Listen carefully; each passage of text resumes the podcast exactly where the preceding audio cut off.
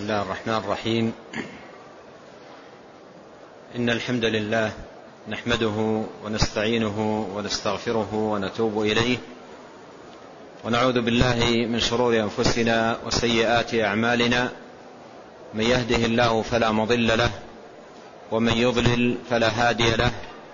وأشهد أن لا إله إلا الله وحده لا شريك له. وأشهد أن محمدا عبده ورسوله. صلى الله وسلم عليه وعلى آله وأصحابه أجمعين.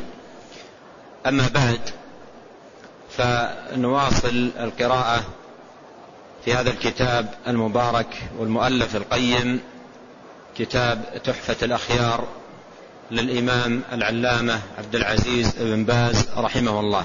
نعم. الحمد لله والصلاة والسلام على رسول الله. قال المؤلف رحمه الله وفي صحيح مسلم عن عقبة بن عامر رضي الله عنه قال خرج رسول الله صلى الله عليه وسلم ونحن في الصفة فقال أيكم يحب أن يغدو كل يوم إلى بطحان أو إلى العقيق فيأتي منه بناقتين كوماوين في غير إثم ولا قطع رحم. فقلنا يا رسول الله نحب ذلك. قال أفلا يغدو أحدكم قال أفلا يغدو أحدكم إلى المسجد فيعلم أو يقرأ آيتين من كتاب الله عز وجل خير له من ناقتين وثلاث خير له من ثلاث وأربع خير له من أربع ومن أعدادهن من الإبل.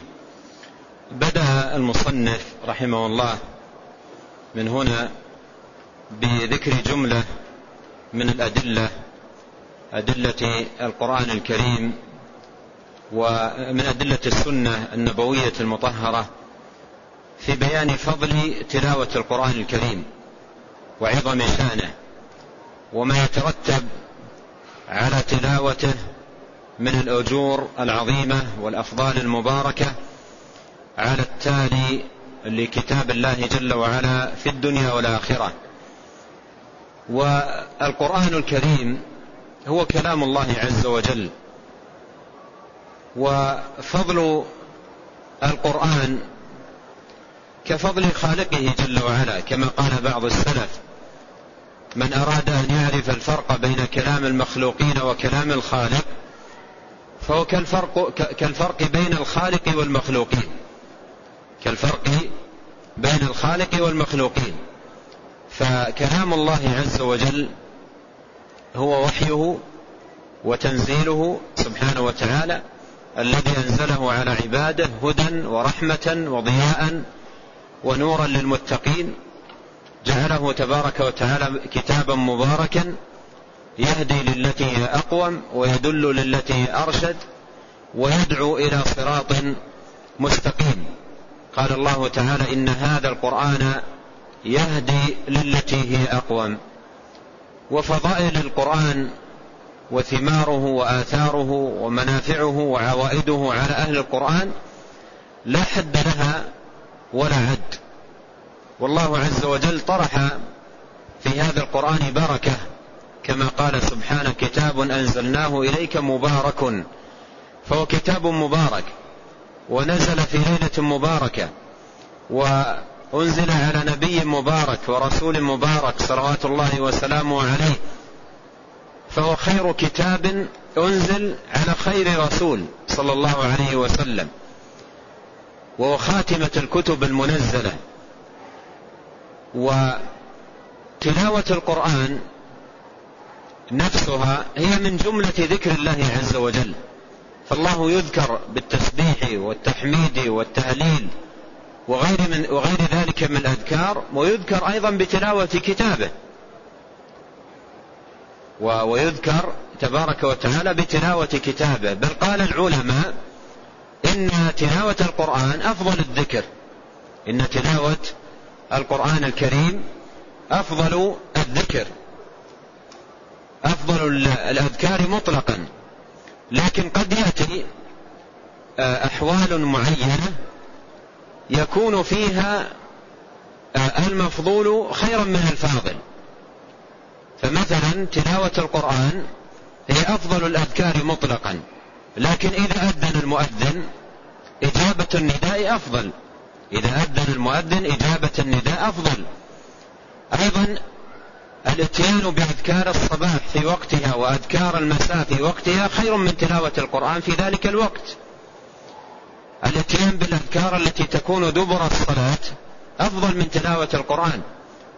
فتلاوة القرآن هي أفضل مطلقا لكن قد يأتي أمور تجعل المفضول خيرا من من الفاضل أي في ذلك الوقت. ولهذا ذكر العلماء رحمهم الله في الباب باب المفاضلة والتفضيل قاعدة عظيمة النفع للمسلم ألا وهي أن الأفضل في كل وقت الأوفق للسنة في ذلك الوقت. هذه قاعدة شريفة ونافعة جدا. الأفضل في كل وقت هو الأوفق للسنة في ذلك الوقت. فمثلا إذا كان وقت أذان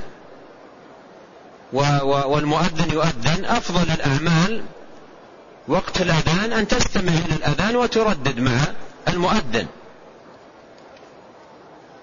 آه، وقت الصلاة تؤدي الصلاة. الأذكار التي بعد الصلاة تأتي بها. الأفضل في كل وقت الأوفق للسنة في ذلك الوقت. وقت أذكار الصباح والمساء الاتيان بالأذكار المرتبة الموظفة في الواردة في السنة في الصباح والمساء الاتيان بها في وقتها أفضل. فالأفضل في كل وقت هو هو الأوفق للسنة في ذلك الوقت. وهذه قاعدة ذكرها شيخ الإسلام ابن تيمية رحمه الله وغيره من أهل العلم في مسألة التفضيل بين العبادات. لكن من حيث الإطلاق القرآن أفضل الذكر. القرآن أفضل آه، الذكر. وجاء في الحديث أحب أحب الكلام إلى الله سبحانه وتعالى آه، سبحان الله والحمد لله ولا إله إلا الله والله أكبر. جاء في بعض الروايات بعد القرآن وهن من القرآن. فسبحان الله والحمد لله ولا إله إلا الله هذه الكلمات الأربع هي أفضل الذكر على الإطلاق. أفضل الذكر على الإطلاق وهي أفضل الكلمات. ولكن القرآن الذي هو كلام الله تبارك وتعالى أفضل وهذه الكلمات كما جاء في بعض ألفاظ الحديث هي من القرآن قال وهن من القرآن. والمصنف رحمه الله أخذ يسوق جملة من الأحاديث أحاديث النبوية عن النبي صلى الله عليه وسلم في بيان فضيلة القرآن وتلاوته. وأيضا في أثناء ذلك أو في ضمن الأحاديث التي أوردها نبه رحمه الله من خلالها أن المطلوب في القرآن ليس مجرد التلاوة وإتقان الحروف بل لا بد من أمور ثلاثة. لا بد من أمور ثلاثة حسن التلاوة وحسن الفهم وحسن العمل. والله جل وعلا يقول الذين آتيناهم الكتاب يتلونه حق تلاوته أولئك يؤمنون به. قال العلماء تلاوة القرآن حق تلاوته تكون بهذه الأمور الثلاثة. بحسن التلاوة والقراءة وحسن الفهم والتأمل والتدبر لكلام الله تبارك وتعالى وحسن العمل والتطبيق لأوامر القرآن الكريم. والعمل والاتباع للقرآن نفسه يسمى تلاوة. وقد دل على هذا القرآن في قوله تعالى والقمر إذا تلاها أي تبعها.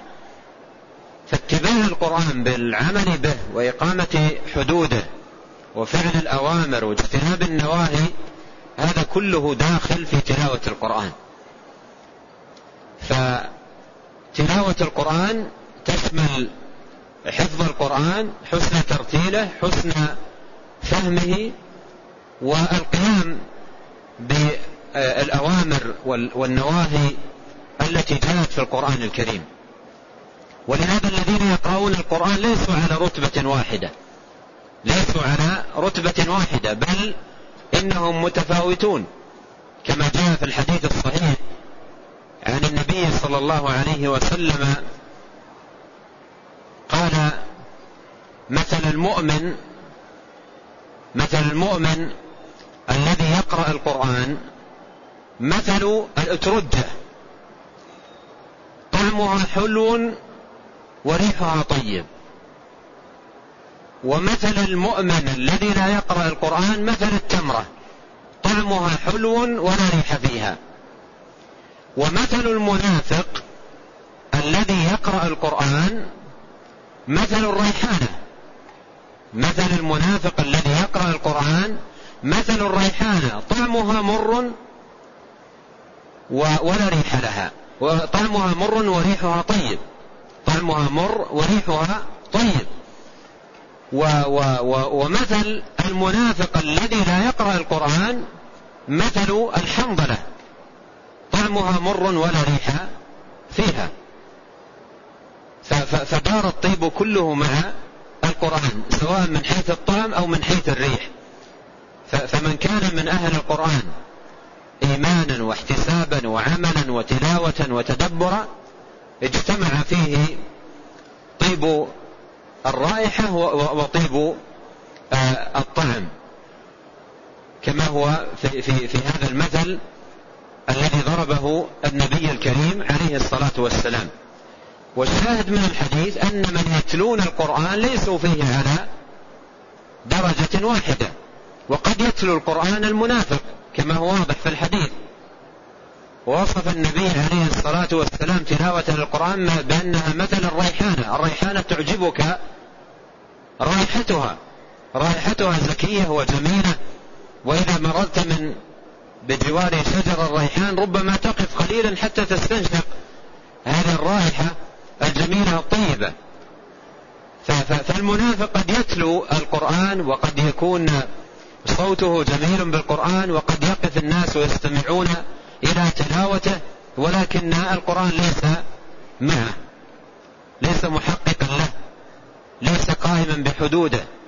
ولهذا تحدث الحسن البصري رحمه الله وهو من أجلة التابعين عن بعض قراء زمانه. قال يقول أحدهم قرأت القرآن كله ولم أسقط منه حرفا. يقصد أنه أتقن حروفه ومخارجه إلى آخره ولم أسقط منه حرفا.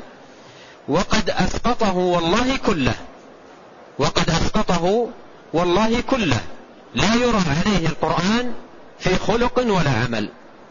لا يرى عليه القرآن في خلق ولا عمل. ثم قال الحسن والله ما هؤلاء بالقرة ولا الحكماء ولا الورعة ليسوا, ليسوا هؤلاء قراء القرآن.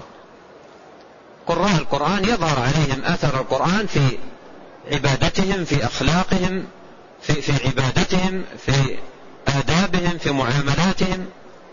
مثل ما قالت أم المؤمنين عائشة رضي الله عنها لما سئلت عن خلق النبي الكريم عليه الصلاة والسلام قالت كان خلقه القرآن.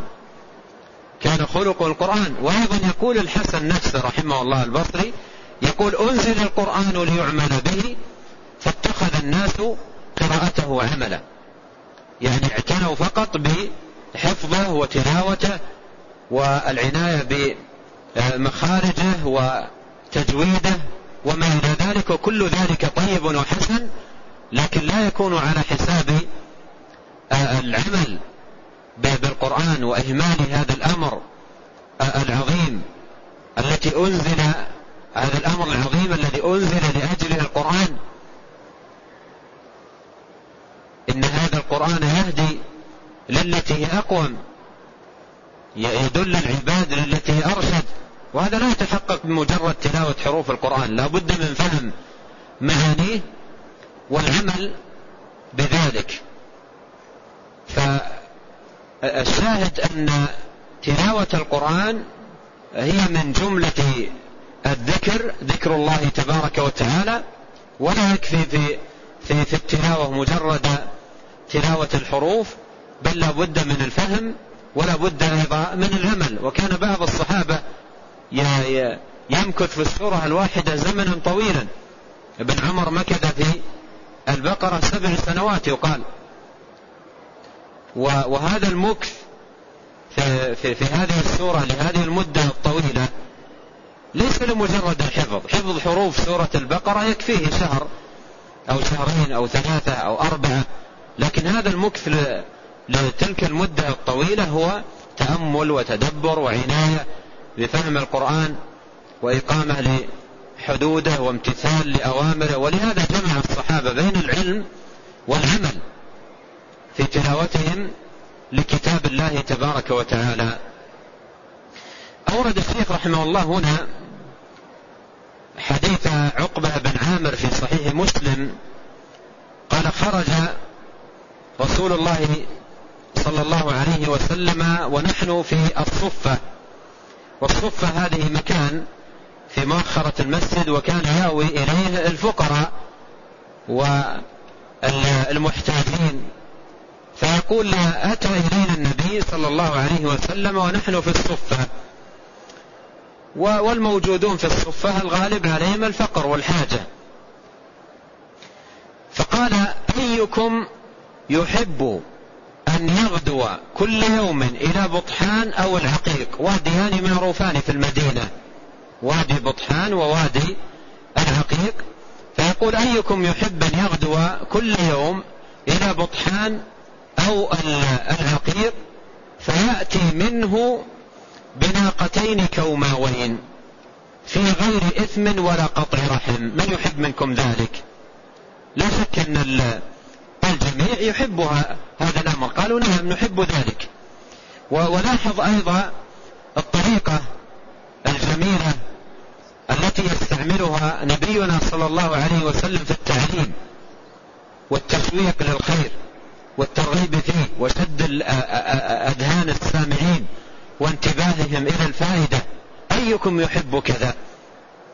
أيكم يحب كذا؟ ثم يذكر الأمر وتشتاق إليه القلوب وتحب أن تسمعه وتستعد النفوس لسماعه ثم يخبرهم. كثيرا ما يستعمل هذه الطريقة المباركة في أحاديثه صلوات الله وسلامه عليه. وهذا من كمال نصحه.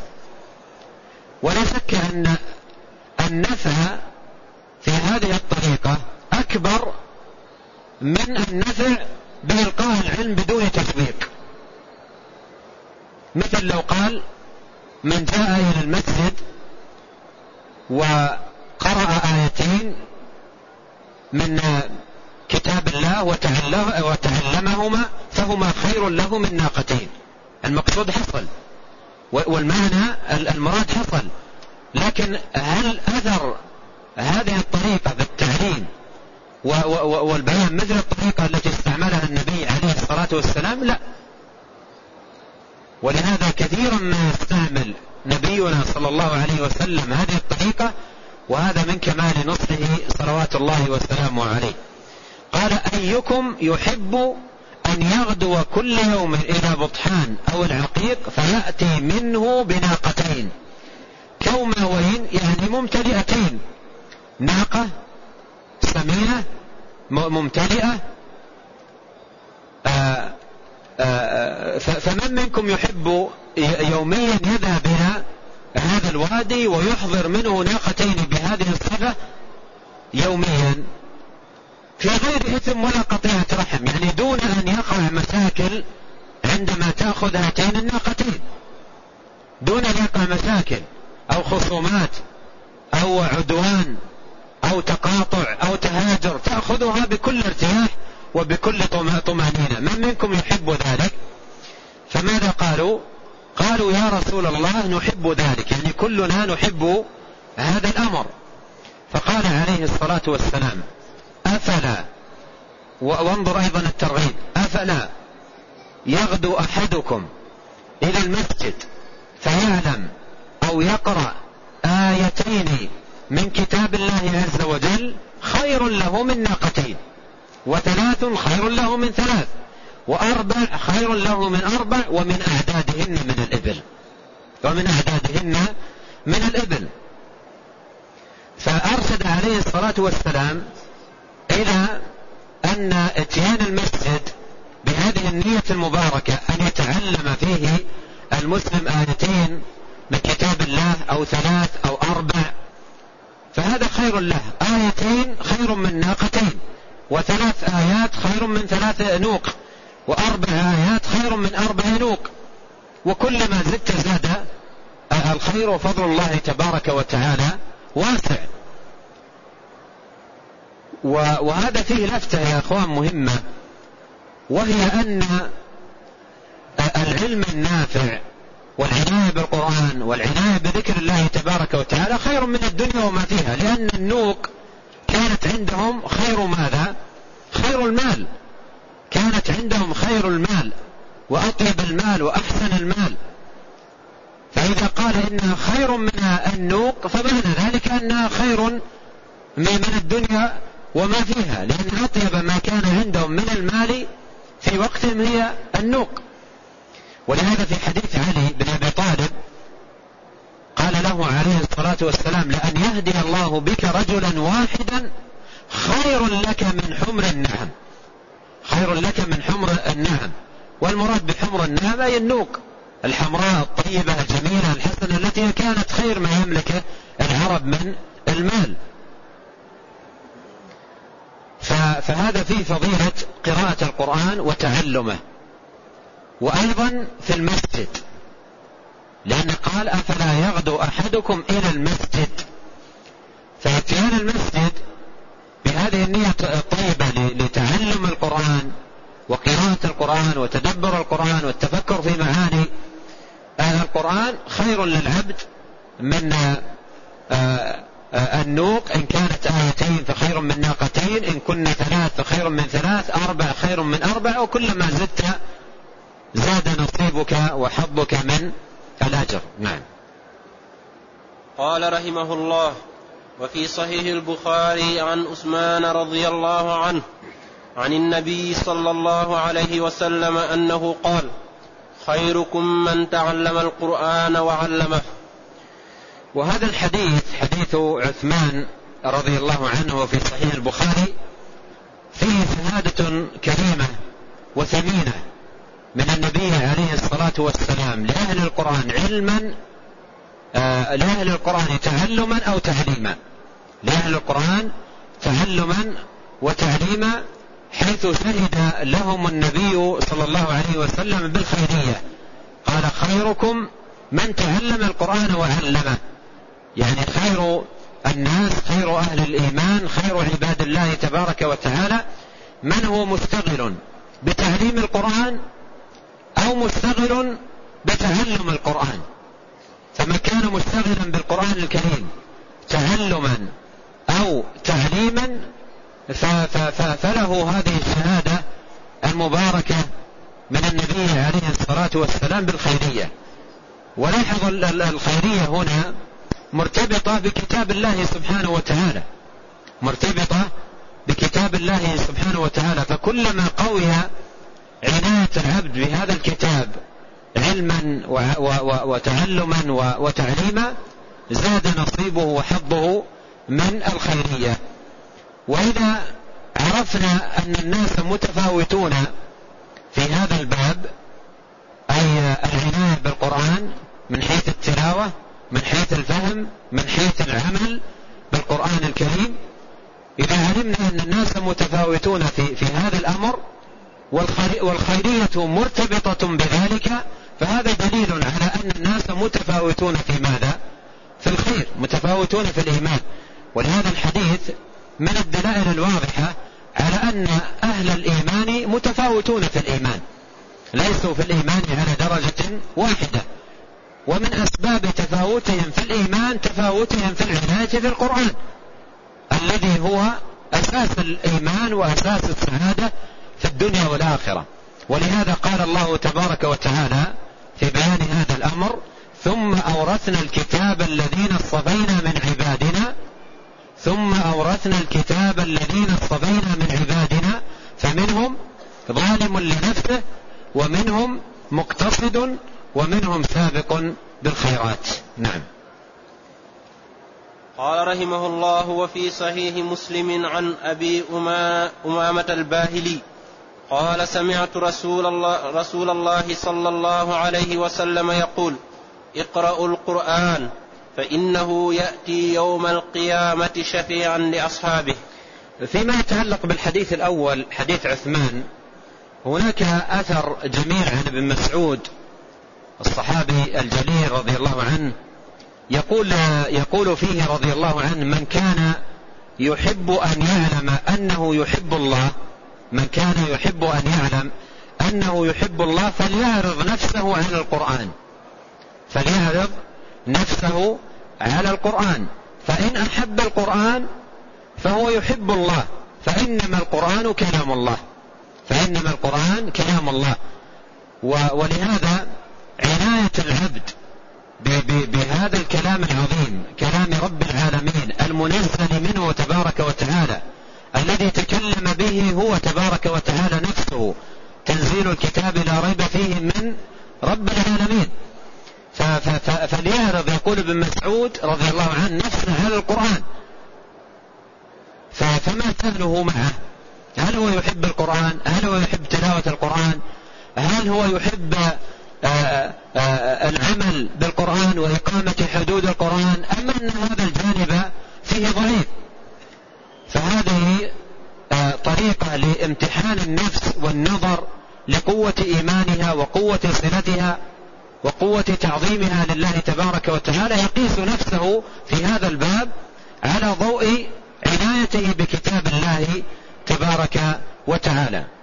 ثم أورد المصنف رحمه الله ما جاء في صحيح مسلم عن أبي أمامة الباهلي رضي الله عنه قال سمعت رسول الله صلى الله عليه وسلم يقول اقرأوا القرآن فإنه يأتي يوم القيامة شفيعا لأصحابه.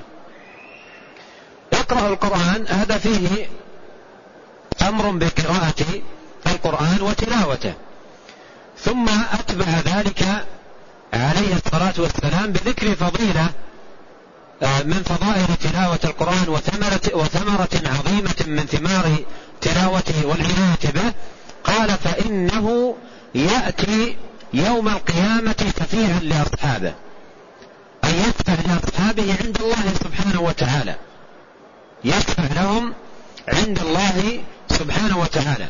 و و والأمر كما أخبر عليه الصلاة والسلام يجب أن نمر هذا الحديث وهو خبر عن أمر غيبي يقع يوم القيامة. فيجب أن نمره كما جاء وأن نؤمن به كما ورد كما أخبر نبينا عليه الصلاة والسلام. نبينا ماذا قال؟ قال يأتي من هو؟ الذي يأتي؟ القرآن. قال يأتي القرآن يوم القيامة سفيها لأصحابه. فنحن نسوق الخبر ونؤمن به كما جاء ونقول إن القرآن يوم القيامة يأتي شفيعا لأصحابه يعني يشفع لهم عند الله سبحانه وتعالى. كيف يشفع؟ يقول يقول لله تبارك وتعالى إن أنه كان يتلوني ويقرأني آناء الليل وأطراف النار كان يقيم حدودي كان فيشفع عند الله تبارك وتعالى ويشهد لأصحابه بأنهم من أهله ومن أهل تلاوته فيأتي القرآن شفيعا لأصحابه يوم القيامة يدفع لهم عند الله سبحانه وتعالى لتعلو درجاتهم وترتفع منازلهم عند الله تبارك وتعالى. فالشاهد أن هذا خبر صادق عن الصادق المصدوق صلوات الله وسلامه عليه في شأن القرآن يوم القيامة وأنه يأتي يوم القيامة يا يشفع لصاحبه وسيأتي معنا أيضا رواية أخرى أو حديث آخر فيه بيان لهذا المقام العظيم. نعم. قال رحمه الله وفي صحيح مسلم أيضا من حديث من حديث النواس بن سمعان رضي الله عنه قال سمعت النبي صلى الله عليه وسلم يقول يؤتى بالقرآن يوم القيامة وأهله الذين كانوا يعملون به. تقدمه سورة البقرة وآل عمران وضرب لهما رسول الله صلى الله عليه وسلم ثلاثة أمثال ما نسيتهن بعض. قال كأنهما غمامتان أو ظلتان سوداوان بينهما شرق أو كأنهما هزقان من طير صواف تحاج تحاجان عن صاحبهما. ثم أورد المصنف رحمه الله هذا الحديث في صحيح مسلم حديث النواس بن سمعان عن النبي صلى الله عليه وسلم قال يؤتى بالقرآن يوم القيامة وأهله. يعني يؤتى به وبأهله. يؤتى بالقرآن ويؤتى بأهل القرآن. الذين كانوا يعملون به ضع تحتها خط أو خطين أو ثلاثة. الذين كانوا يعملون به أهل القرآن منهم يأتيك الجواب هنا في الحديث. إذا قيل من هم أهل القرآن؟ أهل القرآن الذين هم أهل الله وخاصته قال الذين يعملون به. فليس آه، فلا يكون الإنسان من أهل القرآن بمجرد تلاوة حروف القرآن. بمجرد تلاوة حروف القرآن. مر معنا قريبا أن المنافق قد يتلو القرآن و و و وتكون تلاوته للقرآن مثل الريحانة. لها رائحة جميلة زكية طيبة. لكنه هو في نفسه مر الطعم لأنه ليس من أهل القرآن. فبمجرد التلاوة وإقامة الحروف لا يكون الإنسان من أهل القرآن. بل لا يكون من أهله إلا إذا أقام حدود القرآن وعمل به. ولهذا تأمل الحديث مرة وثانية وثالثة قال يؤتى بالقرآن يوم القيامة وأهله من هم؟ قال الذين كانوا يعملون به. الذين كانوا يعملون به. وبهذا يعلم أن العبد لا يكون من أهل القرآن إلا إذا عمل بالقرآن. والعمل بالقرآن يحتاج أيضا إلى مرحلة آه، أخرى غير التلاوة وهي ماذا؟ الفهم. كتاب أنزلناه إليك مبارك ليدبروا آياته. قد كانت آياتي تتلى عليكم فكنتم على أعقابكم تنكصون مستكبرين به سامرا تهجرون أفلم يدبروا القول. يعني لو تدبروا القول لما نكثوا إلى الوراء ولما, رج ولما رجعوا على الأعقاب. فتدبر القرآن يهتدي بها العبد للتي هي أقوم. ويهدى للتي أرشد. القرآن القرآن كتاب هداية. ولكن متى تكون هذه الهداية متى تنال القلوب هذه الهداية بالقرآن الكريم إلا إذا ماذا؟ إلا إذا تدبر إلا إذا تفهم إلا إذا نقل عن عن الله تبارك وتعالى خطابه. أروي لكم قصة جميلة فيها فائدة. ذكرها ابن قدامة المقدسي رحمه الله عن الأصمعي. الأصمعي كان كان رجلا رحالا يعني يتنقل في البلدان. فيقول الأصمعي أنني لقيت في بعض البلدان رجلا من الأعراب أعرابي. فقال لي من أنت يسأل الأصمعي؟ يقول له من أنت؟ قال من بني الأصمع قال لعلك لعلك الأصمعي قال أنا هو. مشهور كان في في زمانه. فقال من أين جئت؟ الأعرابي يسأل الأصمعي قال من أين جئت؟ قال جئت من بلاد يتلى فيه كلام الرحمن. جئت من بلاد يتلى فيها كلام الرحمن. قبل قبل هذا يقول لقيني أعرابي القصة يقول الاصمعي لقيني أعرابي جلف على ناقته. في يعني في شيء من الجلافة والشدة على ناقته ولما وقف عندي وهو على الناقة سألني إلى آخر ما ذكرت لكم؟ قال من أين جئت؟ قال جئت من بلد يتلى فيه كلام الرحمن. فقال الأعرابي فوق الناقة قال أول الرحمن كلام يتلوه الآدميين؟ يعني ما سمع بهذا قبل. قال أول, أول الرحمن كلام يتلوه الآدميين. هل, هل للرحمن كلام يتلوه الناس؟ هل يوجد للرحمن كلام يتلوه الناس؟ قال نعم. قال أسمعني شيئا منه. قال أسمعني شيئا منه. قال أنزل عن, عن دابتك واسمعك. فنزل الأعرابي من الدابة يقول وبدأت أقرأ عليه سورة الداريات. فبدأت أقرأ عليه سورة الداريات. حتى وصلت إلى قوله تبارك وتعالى وفي أنفسكم أفلا تبصرون وفي السماء رزقكم وما توعدون. فقال لي أو هذا كلام الرحمن؟ قلت إي والله. هذا كلام الرحمن. وفي السماء رزقكم وما توعدون. الرجل فهم الكلام ووعاه ودخل الكلام في قلبه لكنه استوثق. قال أو هذا كلام الرحمن؟ قلت والله هذا كلام الرحمن. قال أمسك ناقتي. يقول فمسكتها فنحرها. نحر الناقة وقطعها وقال ساعدني على توزيع لحمها. يقول ومضى وهو يقول وفي السماء رزقكم وما توعدون. ضامن الرزق من الله سبحانه. انظر الثقة والإيمان وقوة الاعتقاد. أعرابي جرف يقول قبل قليل.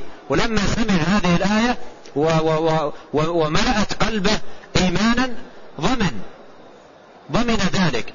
فنحر ناقته وقسم لحمها ومشى يقول وفي, وفي السماء رزقكم وما توعدون. يقول الأصمعي ثم لقيته بعد سنوات في مكة. لقيته بعد سنوات فعرفته وعرفني فقال لي اقرأ علي من كلام الرحمن. فقرأت عليه سورة الذاريات. حتى وصلت قول الله تعالى وفي السماء رزقكم وما توعدون. قال قد وجدنا ما وعدنا ربنا حقا. قال قد وجدنا ما وعدنا ربنا حقا. اقرأ علي يقول فقرأت. فورب السماء والأرض إنه لحق مثل ما أنكم تنطقون. اسمع الآية. فورب السماء والأرض إنه لحق مثل ما أنكم تنطقون. ماذا قال الأعرابي؟ قال ومن أغضب الجليل حتى يحلف. ومن أغضب الجليل حتى يحلف. ما من أغضبه حتى ألجأه إلى اليمين. فهو رب السماء. يعني لو لو لو أخبرنا بدون يمين نصدق. من ألجأ إلى اليمين؟ من أغضب الجليل حتى يحلف لنا ويعطينا هذه اليمين؟ فهو رب السماء. أعرابي فهو رب السماء. إنه لحق مثل ما أنكم تنطقون. قال من الذي أغضب الجليل وألجأه إلى اليمين؟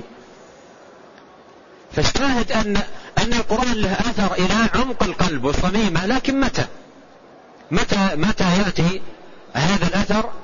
إذا, إذا كان الإنسان لا يتدبر ولا يعقل الخطاب ولا يتفكر في معاني كلام الله سبحانه وتعالى.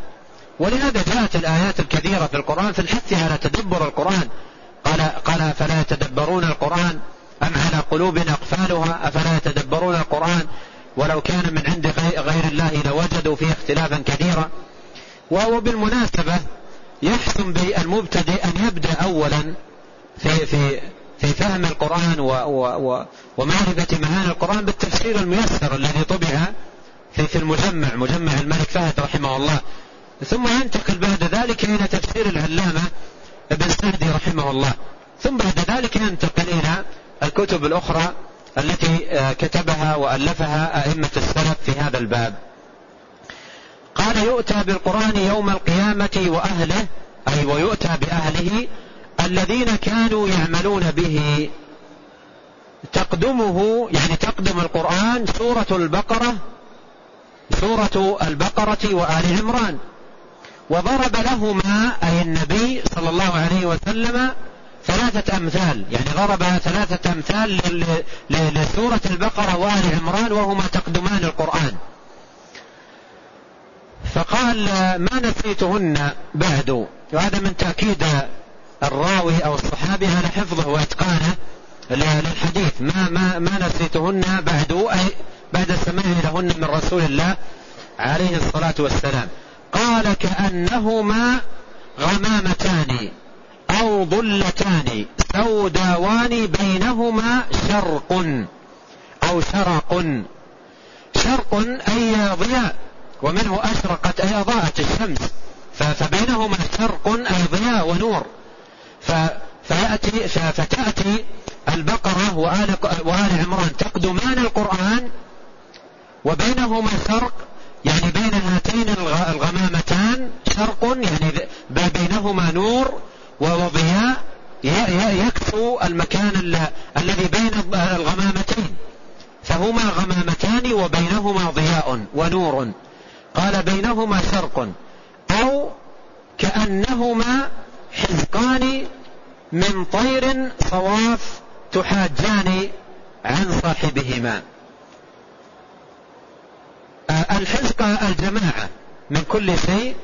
وهنا حدد قال كأنهما حزق من طير صواف يعني طير متلاحمة متصافة بعضها إلى بعض فكأنهما آه، حزقان يعني فرقان أو جماعتان من طير صواف يعني متصافة ملتئمة مجتمعة بعضها إلى بعض. تحاجان عن صاحبهما. تحاجان عن صاحبهما. يعني البقرة وآل عمران تأتيان يوم القيامة بهذه الصفة تحاجان عن صاحبهما. أي ماذا تقولان؟ ما, ما هي المحاجة؟ ها؟ شفاعة له عند الله سبحانه وتعالى وإخبار بأنه لا يزال ولا يزال يتلو ويقرأ هاتين الزهراوين البقرة وآل عمران. فتأتيان يوم القيامة تحاجان عن أصحابهما. و و وأيضا ينبغي أن يلاحظ ما أشير إليه في الحديث قضية العمل الذين يعملون به. لا لا لا يقرأه الإنسان آه، قراءة مجردة دون فهم أو دون عمل بالقرآن بل لا بد في تلاوة القرآن آه، حق التلاوة من فهم المعنى والعمل بما يقتضيه القرآن. نعم.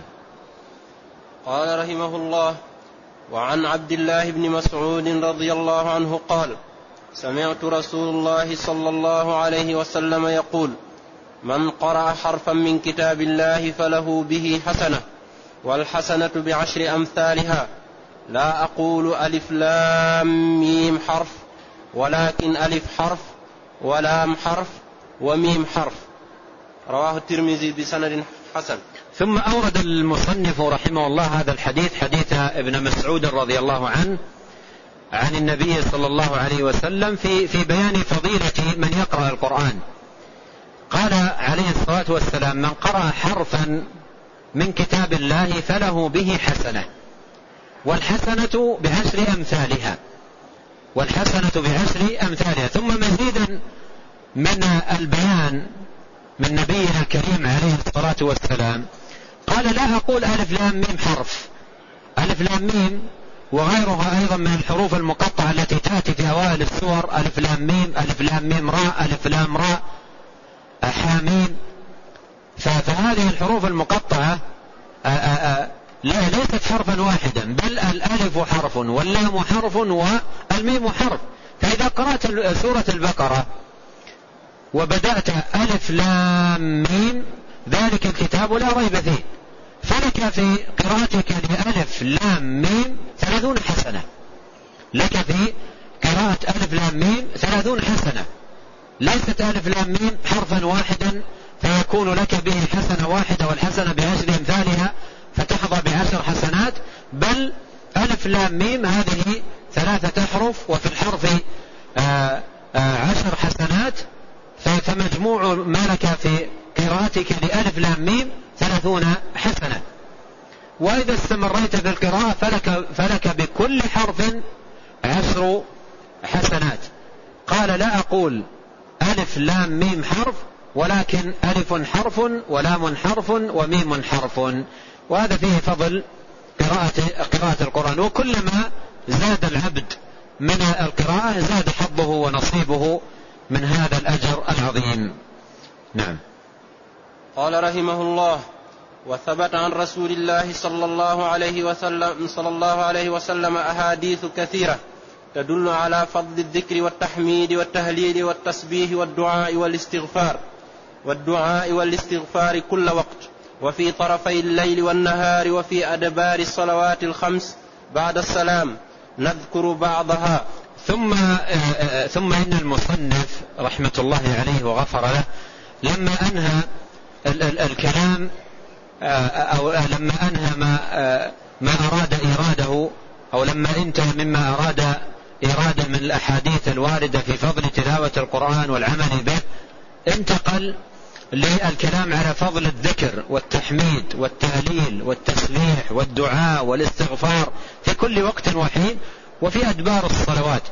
ولهذا سيسوق الآن المصنف رحمه الله جملة آه، طيبة ونخبة مباركة من الأحاديث عن النبي عليه الصلاة والسلام في فضل التسبيح فضل التهليل فضل آه، التكبير فضل آه، الاستغفار فضل الدعاء. وسيسوق في هذا أحاديث طيبة ونافعة. نعم. قال رحمه الله فمن ذلك قوله صلى الله عليه وسلم سبق المفردون قالوا وما المفردون يا رسول الله؟ قال الذاكرون الله كثيرا والذاكرات. هذا نعم رواه مسلم. هذا الحديث فيه فضيلة آه، الذاكرين الله كثيرا والذاكرات. وقد سبق أن مر معنا عند المصنف رحمه الله جملة من الآيات فيها الأمر بذكر الله بالكثرة. وأيضا مر معنا الثناء على الذاكرين الله كثيرا والذاكرات وأن الله أعد لهم مغفرة وأجرا عظيما. فهذا الحديث فيه آه، عظم مكانة الذاكرين الله كثيرا والذاكرات. وبيان ذلك أن النبي صلى الله عليه وسلم شهد لهم في هذا الحديث بماذا؟ بالسبق. قال سبق المفردون. قال سبق المفردون أي سبقوا غيرهم. فالصحابة رضي الله عنهم قالوا يا رسول الله من المفردون؟ من المفردون؟ نرجع إلى كلامنا قبل قليل في, في طريقة النبي عليه الصلاة والسلام بماذا؟ بالتعليم وتسويق من عنده. قال سبق المفردون وسكت. سبق المفردون وسكت. بدأ الآن في الذهن إيش؟ تساؤل. من هم هؤلاء؟ من هم, من هم هؤلاء السابقون؟ ومن المراد بالمفردين؟ الذين أثنى النبي عليه الصلاة, عليه, عليه الصلاة والسلام عليهم. فيأتي هذا التساؤل في الذهن. سبق المفردون من هم؟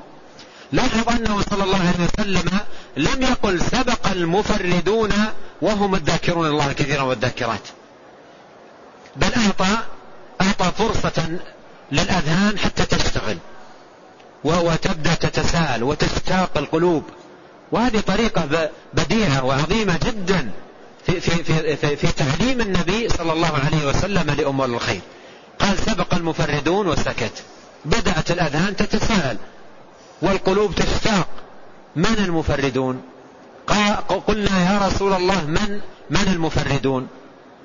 وهذا السؤال كان طرحه الجميع لأنهم اشتاقوا وتاقت قلوبهم لمعرفة من هؤلاء.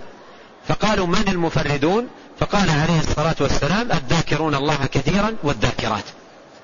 فالحديث فيه شهادة للمكثرين من ذكر الله تبارك وتعالى بالسبق على غيرهم. نعم. قال رحمه الله وقال صلى الله عليه وسلم أحب الكلام إلى الله أربع. سبحان الله والحمد لله ولا إله إلا الله والله أكبر. لا يضرك بأيهن بدأت. ثم أورد رحمه الله هذا الحديث عن النبي صلى الله عليه وسلم لو في صحيح مسلم قال أحب الكلام إلى الله أربع لا يضرك بأيهن بدأت. بأيهن بدأت. سبحان الله والحمد لله ولا إله إلا الله والله أكبر. أيضا جاء في حديث آخر عن نبينا صلى الله عليه وسلم أنه قال لأن أقول سبحان الله والحمد لله ولا إله إلا الله والله أكبر أحب إلي مما طلعت عليه الشمس. الشمس تطلع على ماذا؟ على الدنيا كلها. الشمس تطلع على الدنيا كلها فكأنه قال أحب إلي من الدنيا وما فيها. لا نقول سبحان الله والحمد لله ولا إله إلا الله والله أكبر أحب إلي مما طلعت عليه الشمس أي كأنه قال أحب إلي من الدنيا وما فيها لأن الشمس تطلع على الدنيا كلها وما فيها. وهذا الحديث الذي ساق المصنف فيه أن هؤلاء الكلمات الأربع هن أحب الكلام إلى الله سبحانه وتعالى. وهن أيضا خير الباقيات الصالحات. والباقيات الصالحات ليست هي الكلمات الأربع فقط. بل الكلمات الأربع سبحان الله والحمد لله ولا إله إلا الله والله أكبر هي خير الباقيات الصالحات. وأفضلها عند الله سبحانه وتعالى وهي أحب الكلام إلى الله سبحانه وتعالى. والمسلم آه، عندما يعلم من هذا الحديث أن هؤلاء الكلمات الأربع هن أحب الكلام إلى الله سبحانه وتعالى. هذا يدفعه إلى ماذا؟ إلى المزيد والإكثار من هذه من هؤلاء الكلمات الأربع في كل أحايينا سبحان الله والحمد لله ولا إله إلا الله والله أكبر.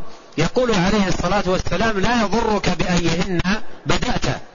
يعني سواء بدأت بالتهليل أو بدأت بالتحميد أو بدأت بالتكبير فلا يضرك بأيهن بدأت. ثم مما يلفت الانتباه إليه أن من يأتي بهذه الكلمات الأربع ينبغي عليه ألا يأتي بها إتيانا مجردا بدون فهم معانيها ودون بدون تحقيق مقاصدها. لأن الأذكار الماثورة كما قال العلماء إذا كانت بدون فهم تكون ضعيفة أو عديمة التأثير. فلا بد من, من, من فهم المعنى. فإذا قلت سبحان الله عليك أن تفهم ماذا تعني كلمة سبحان الله. وإذا قلت الحمد لله عليك أن تفهم ماذا تعني كلمة الحمد لله. وإذا قلت الله أكبر عليك أن تفهم ماذا تعني هذه الكلمة. وإذا قلت لا إله إلا الله عليك أن تفهم ماذا تعني هذه الكلمة. أما أن يقول الإنسان كلاما لا يدري ما هو فهذا يكون ضعيف التأثير إن لم يكن عديم التأثير. وسبحان الله هذه كلمة تنزيه. سبحان الله هذه كلمة تنزيه. أسبح الله أي أنزه الله وأقدسه عما لا يليق به سبحانه وتعالى. كما قال الله في القرآن سبحان ربك رب العزة عما يصفون أي تنزه وتقدس عما يصفه به أعداء الرسل. فالتسبيح تنزيه الله والتكبير تعظيم الله وتعليته سبحانه وتعالى واعتقاد أنه لا أكبر منه. مثل ما قال النبي عليه الصلاة والسلام لعدي في بداية إسلامه قال يا يا عدي ما يفرك؟ ما يفرك يعني ما الذي يجعلك تفر من الإسلام؟ ولا تقبل عليه. ما يفرك؟ أيفرك أن يقال لا إله إلا الله؟ وهل إله غير الله؟ ثم قال يا عدي ما يفرك؟ أيفرك أن يقال الله أكبر؟ وهل شيء أكبر من الله؟ قوله هل شيء أكبر من الله؟ هذا يبين لنا إيش؟ معنى الله أكبر. الله أكبر تاني اعتقاد. عند المؤمن بأن الله أكبر من كل شيء وأنه تبارك وتعالى الكبير المتعالى الذي لا أكبر منه سبحانه وتعالى.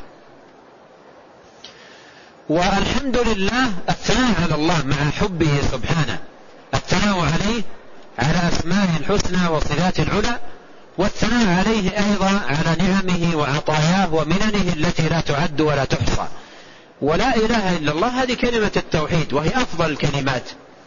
وأحبها إلى الله سبحانه وتعالى. ولا إله إلا الله معناها لا معبود بحق إلا الله. فهذه الكلمات مع تكرار المسلم لها, لها وترداد لها في الأوقات والأحايين ينبغي أن يكون معه فهم وتأمل وتدبر وعقل لمعاني هذه الكلمات. والسلف رحمهم الله قديما نبهوا على ذلك. أروي لكم قصة جميلة ومفيدة.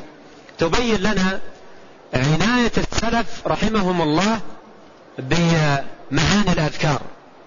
عناية السلف رحمهم الله بمعاني الأذكار وأيضا تأكيدهم على آه، ضرورة فهم معانيها. جاء في الحلية لأبي نعيم وفي مصادر أخرى أن الحسن البصري رحمه الله لقي رجلا وهذا الرجل جاوز الستين من عمره. جاوز الستين من عمره. وكان عنده بعض التقصير وبعض التفريط. فقال له الحسن البصري كم بلغت من العمر؟ قال بلغت ستين سنة. قال أو ما علمت أنك في طريق أو ما علمت أنك في طريق وقد أوشكت أن تبلغ نهايته. أو ما علمت أنك في طريق وقد أوشكت أن تبلغ نهايته يعني نهاية الطريق.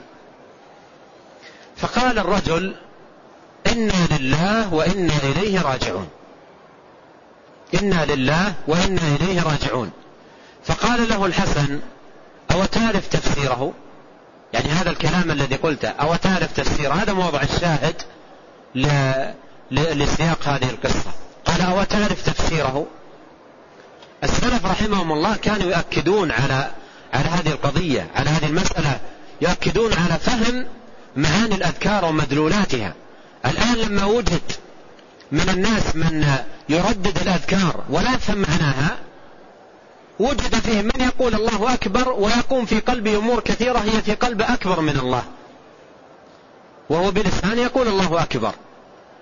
ووجد من يقول لا إله إلا الله ثم يمد يديه ويقول مدد يا فلان أغثني يا فلان ألحقني يا فلان. وهو يقول لا إله إلا الله. لا, لا لكن هذا قول باللسان دون فهم ودون عمل. دون فهم ودون عمل.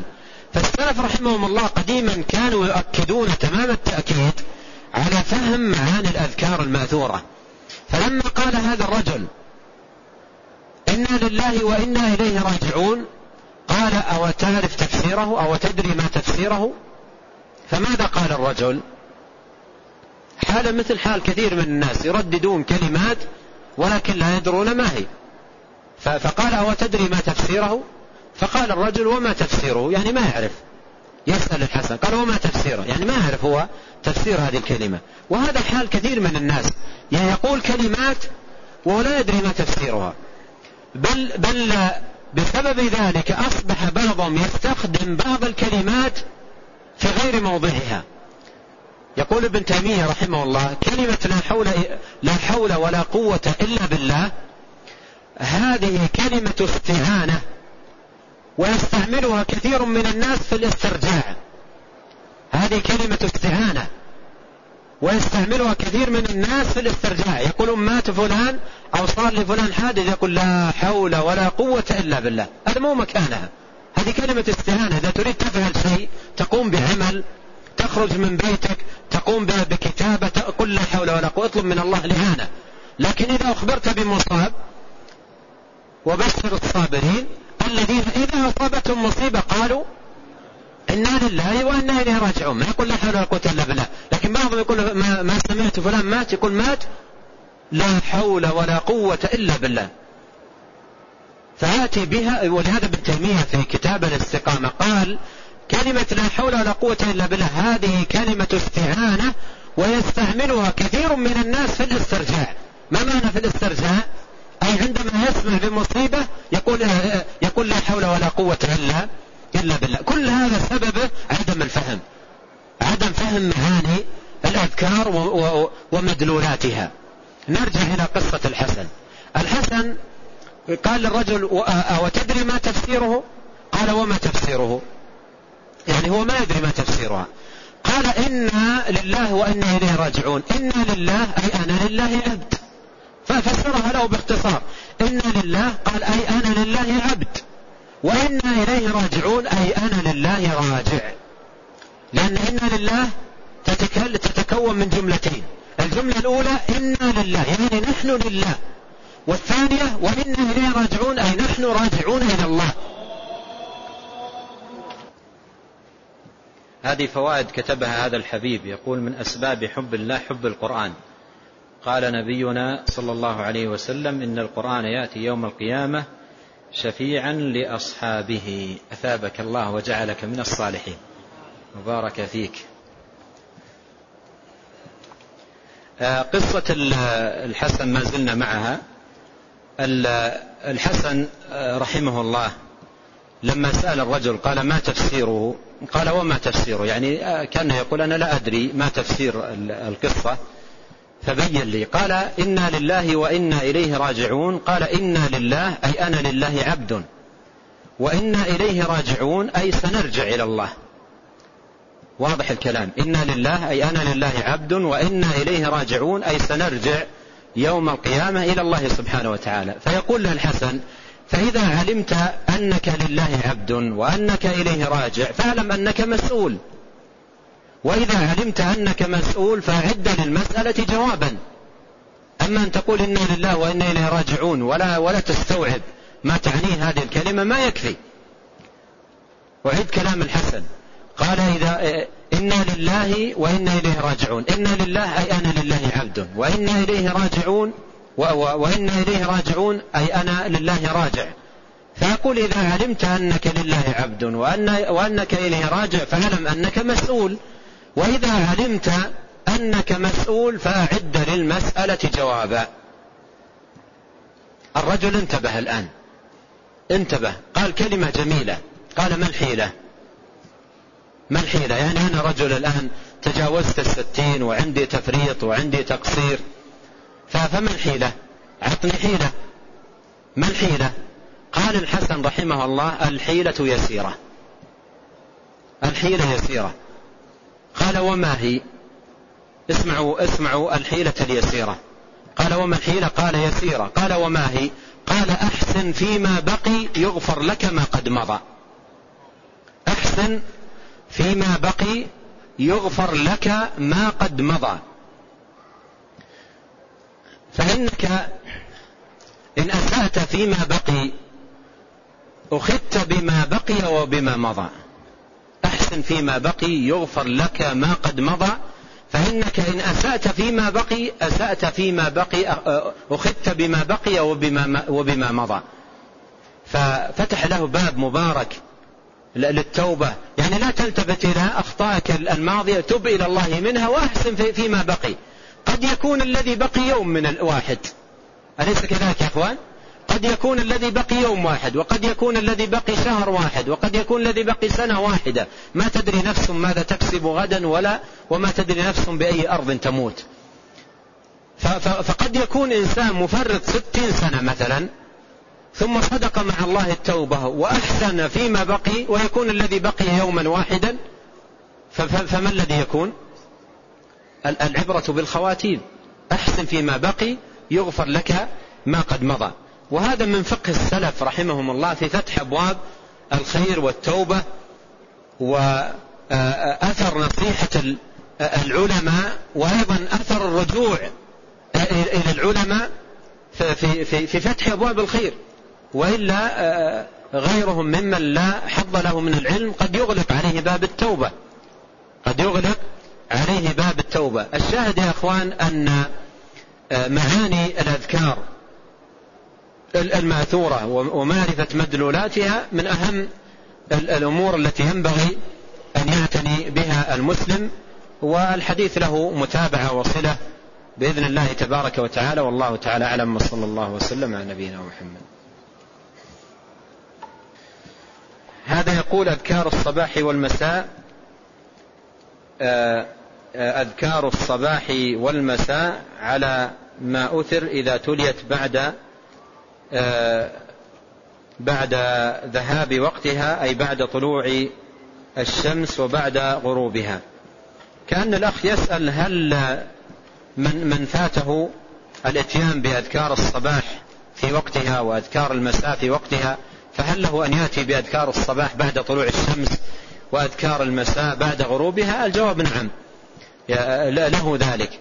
الذي ينبغي على المسلم أن يعتني بهذه الأذكار في أوقاتها لكن إن عرض عارض وحصل مانع ولم يتمكن آه، من الإتيان بها في وقتها فلا بأس أن يأتي بأذكار الصباح بعد طلوع الشمس وأذكار المساء بعد غروبها. قال هل الفضل الوارد في الاجتماع على الذكر خاص بالمسجد كما في حديث ما اجتمع قوم أم يشمل من اجتمع بأهله في بيته للذكر؟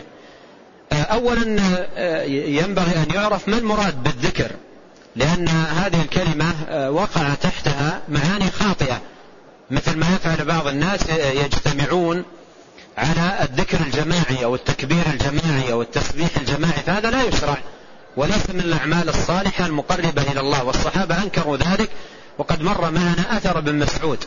لكن إذا كان المراد بالذكر ما دل عليه الحديث وهو الجلوس لتعلم الأذكار وتعلم الدعاء وتعلم القرآن وتعلم السنة فالثواب آه، والفضيلة في الحديث ما اجتمع قوم في بيت من بيوت الله يتلون كتاب الله ويتدارسونه بينهم إلى آخر آه، آه، الأجور إلا, إلا نزلت عليهم السكينة وغشيتهم الرحمة وحفتهم الملائكة وذكرهم الله في من عنده. هذه جاءت في, في, في المسجد. قال ما اجتمع قوم في بيت من بيوت الله. وجاء في بعض ألفاظ الحديث نفسه ما اجتمع قوم يتلون كتاب الله بدون ذكر المسجد. فلعل هذه الرواية تفيد إن شاء الله أن الإنسان لو جلس مع أولاده في بيته وأخذوا يتدارسون القرآن أو يتدارسون الحديث ويتعلمون مسائل الدين ينالون هذه الفضيلة. لكن الرواية المعروفة والمشهورة فيها تقييد ذلك بالمسجد. يقول ورد ذكر آه، آه، آه، الضياع يعني إذا ضاع شيء ولا أدري عن صحته وهو قوله يا جامع الناس ليوم لا ريب فيه اجمع علي ضالتي. فهل هذا هذا الذكر صحيح؟ لا أعرف دليلا صحيحا يدل على هذا الدعاء عندما تظل الدابة أو يظل للإنسان شيء. وأيضا جاء في في في حديث سنده ضعيف أن من أضاع شيئا ينادي يا عباد الله احبسوا. وهذا الحديث سنده ضعيف أن يقول إذا أضاع دابته وأضل شيئا له ينادي يا عباد الله احبسوا. وقد جاء في أظن ترجمة عبد الله بن المبارك أنه مرة كان في في طريق فأضاعوا شيئا أو إما دابة أو نحو ذلك. فتذكر هذا الحديث يا عباد الله احبسوا. ولكنه لم يبادر إلى قوله وإنما قال يا غلام أعطنا القراطيس ننظر في الإسناد. أعطنا القراطيس ننظر في الإسناد. بعض الناس طريقة في هذا الباب أو قاعدة في هذا الباب يقول نجرب إما نفعت ما ضرت. نجرب طريقتهم هكذا يقول نجرب. يا جامع الناس اليوم إيش إيش إيش الإشكال؟ نجرب إما نفعت ما ضرت. لا تضر إذا كان تتعبد الله سبحانه وتعالى بعمل ما يشرع ولا يؤثر وتخصص له مقاما أو, أو, أو وقتا أو حالا معينة.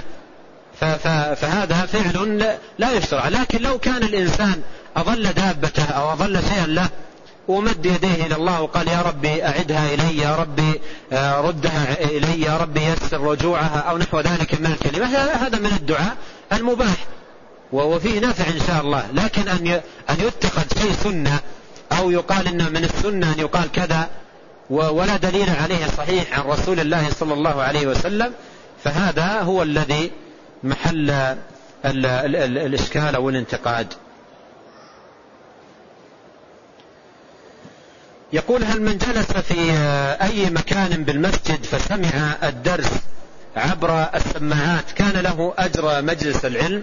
الجواب أن مجلس العلم آه، أجره يتفاوت بحسب حال حال الإنسان. والنبي صلى الله عليه وسلم جاء في عنه في بعض الحديث قال لرجل إنما إنما تأكل إنما يأكل الذئب من الغنم القاسية فالذي يبغى الإنسان أن يقترب ويكون مع الناس في حلقة الذكر وفي مجلس العلم. وجاء في الحديث إلا نزلت عليهم السكينة وحفتهم الملائكة وذكرهم الله في من عنده. في الحديث الآخر هم القوم لا يشقى بهم جليس. فالجلوس معهم والانضمام إلى حلقة العلم وأجلس العلم. لا شك أن هذا له أثر خاص. والآخر الذي جلس في مكان ربما شق عليه أو ربما كان أيضا ضعيف البنية والبدن والتنقل يصعب عليه وبقي في مكانه والسماعات أوصلت له العلم وأخذ يصغي ويستمع فهو أيضا على خير عظيم. كم باقي؟ يقول هل يجوز تزيين الجدران بآيات القرآن؟ هل يجوز تزيين الجدران بآيات القرآن؟ القرآن لم ينزل لتزين به الجدران. ولا ولم ينزل ليكون لوحات جمالية وإنما أنزل ليتلى وليعمل به ولتتدبر آياته. وحتى أن بعض اللوحات الجمالية التي تكتب بالقرآن الكريم ما يستطيع يقرأها كل أحد لأنها مكتوبة بزخرفة و وروعي فيها الشكل الجمالي بحيث أن القراءة ليست متيسرة لكل أحد.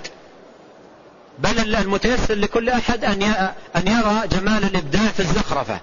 أما الحروف والقرآن والتلاوة هذه غير متيسرة له وربما يقف وقتا طويلا ينظر في اللوحة حتى يعرف ما هي الآية التي كتبت. فهل أنزل القرآن